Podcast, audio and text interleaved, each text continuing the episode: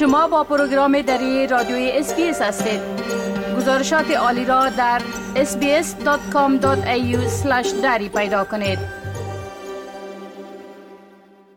شنونده های عزیز همکار ما فتح سامه مدیر مکتب زبانهای دری و پشتوی نهاد مکاتب زبانهای ویکتوریا معروف به VSL هستند که از سالیان زیاد به ایسو مدیریت ای مکتب به عهده دارند. اکنون آقای سامی را با خود داریم تا درباره نصاب درسی و برنامه های درسی سال نو مکتبشان که در آخر ای هفته آغاز میشه صحبت بکنن آقای سامه سلام عرض می کنم خب اولتر از همه اگر به صورت عموم درباره این مکتب در مورد تدریس زبان در اونجا و همچنان درباره ای که از چی وقت به ای سو ای مکتب فعالیت داره لطفا معلومات بتین سلام به شما شنونده محترم. و تشکر می‌کنم از اینکه شما این فرصت مساعد ساختین که من در مورد مکتب معلومات بر شنونده های محترم بتون.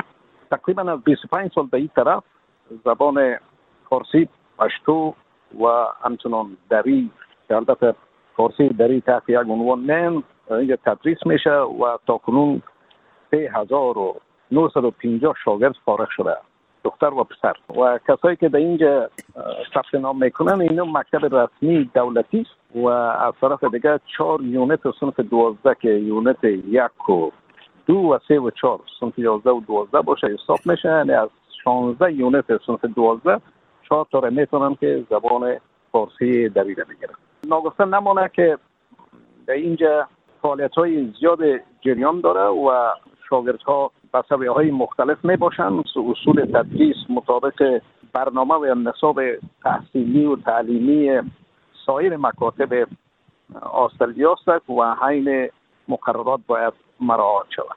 دیگر شاگردان چون به صنوف مختلف از صنف اول تا به صنف دوازده نظر به سویه و سنشان مطابق از اینکه از کدام مکتب آمدن و در اونجا کلاس چند هستند به مو حساب تقسیمات میشه. من فکر می‌کنم که شاگردا به صورت عمومی در اینجا کسایی که آمدن و در بین اجتماع یک شهرت بسیار خوب این مکتب داره از اون خاطر است که هر سال تعداد شاگردا در اینجا ثبت نام می‌کنن و میاین بنابراین ما این فعالیت ما تا کنون جریان داره. بله خب می‌تونین بگوین که معلمین که در این مکتب تدریس می‌کنن.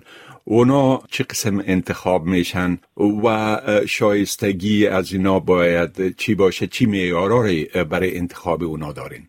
ما دو معیار داریم. یکی باید معلم دانشگاه و پانتون سابق کابل بوده باشه و یا ایست که در یکی از مکاتب تدریس کرده باشه و سندش داشته باشه و اینجا به رسمیت شناخته شود.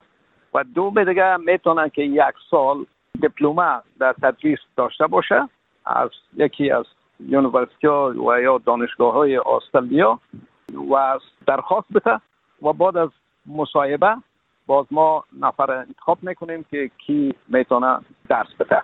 و از طرف دیگه سند را داشته باشه که work with children یعنی با اطفال زیر 16 که کنم ریکارد جنایی چیز نداشته باشه می‌تونه داخل سن شود. و در غیر از او هر کس نمی‌تونه معلم شود.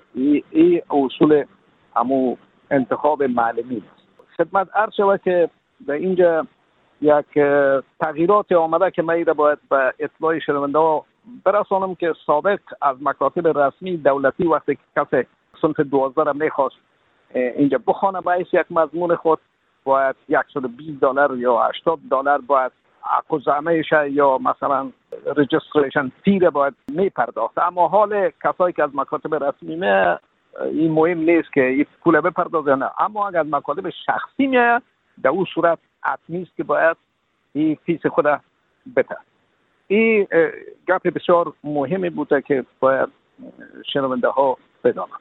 بله. خب در نحوه تدریس چی تحولات و تحولات و تغییراتی و خصوص پس از ختم بیماری کووید 19 به عمل آمده؟ در جریان کووید 19 ما همیشه از طریق زوم درس می‌دادیم. چی کلاس های بالا بود چی پایین بود.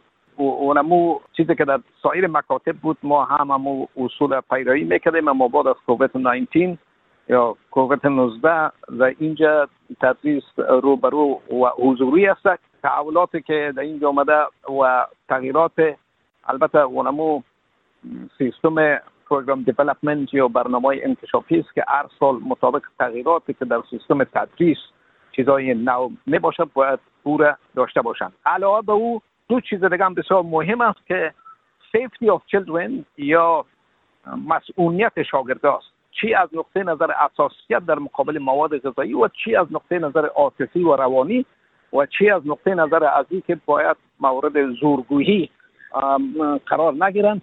اینا همه تدریس میشه و هر معلم باید certificate او را داشته باشه و موفقانه در او امتحان کامیاب شود و بعد از او در غیر از او باز اجازه نامه یا مجوز داره که داره برای تدریس او به حالت تعلیق قرار خب آموزش زبان مادری و داشتن certificate صنف دوازدهم چی فایده داره به خصوص در کاریابی و سایر خدمات اجتماعی در استرالیا؟ اول چون تعداد کسایی که به حیث مهاجر میان در سالهای اول ممکن با سه سال چهار سال با زبان آشنایی ندارن و این کسایی که certificate می‌گیرن حق از دارن که در امتحان NAATI همو paraprofessional interpreting یا ترجمانی بخش اول غیر حرفوی را به دست بیارن. اگر این certificate نداشته باشن نمی‌تونن نمی‌تونن که در امتحان شرکت بکنن. دوم دیگه در هر جایی که میرن کسی که دو زبانه باشه یا چند زبانه باشه من فکر می‌کنم به خاطر از که یکی در این کشور مهاجرین زیاد است بیشتر را ترجیح میتن که استخدام شود این بخش دو و سیوم چیزی که مهم است که ده point اضافی داده میشه و از این ده point اضافی می‌تونن که در دانشگاه ها و university های مورد نظر خود در رشته که خواسته باشند داخل شوند. و نقطه بسیار مهم دگام از تداوم فرهنگ و زبان است و زبان چون یک وسیله بسیار مهم تداوم فرهنگ است. بنان آموزش زبان مادری به هر زبانی که باشه و هر قدر باشه یک چیز بسیار خوب و مفید است. بدون تبعیض باید زبان یاد بگیرن. بله خب می‌تونین بگوین که شاگردان در این مکتب چطور ثبت نام کرده می‌تونه و روزها و ساعات تدریسی چی وقت است؟ ثبت نام می‌تونه از طریق آنلاین بکنن نوشته کنن VSL امو سایت مربوط نه VSL Victorian School of Languages از طریق آنلاین و یا معرفی میشن راستن از طریق مکاتب خود coordinator ها و مدیرای مکتب روزانهشون. اینا رو معرفی می‌کنن و میان داخل لیسه عالی Dandenong اونجا ثبت نام حضوری میشه و یک فرم می‌گیرن می‌برن به مکتب اصلی خود که ما یک مضمون خود اینجا می‌خوانیم زبان می‌خوانیم. این ای راهش هست.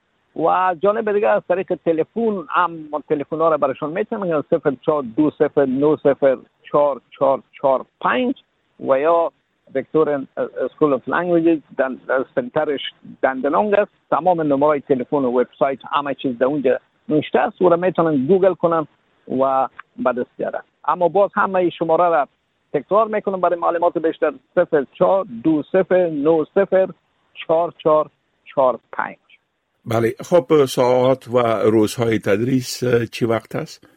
روز تدریس روزهای شنبه می باشه از ساعت 15 کم 9 تا ساعت 12 نیم اما های 12 تا ساعت یک می باشد تا یک یک و بیست بله. اما که از, از ده پایین است اونا تا ساعت 12 نیم می باشد بله خب آقای سامی از این معلوماتتان بسیار تشکر و برتان موفقیت می‌خوایم.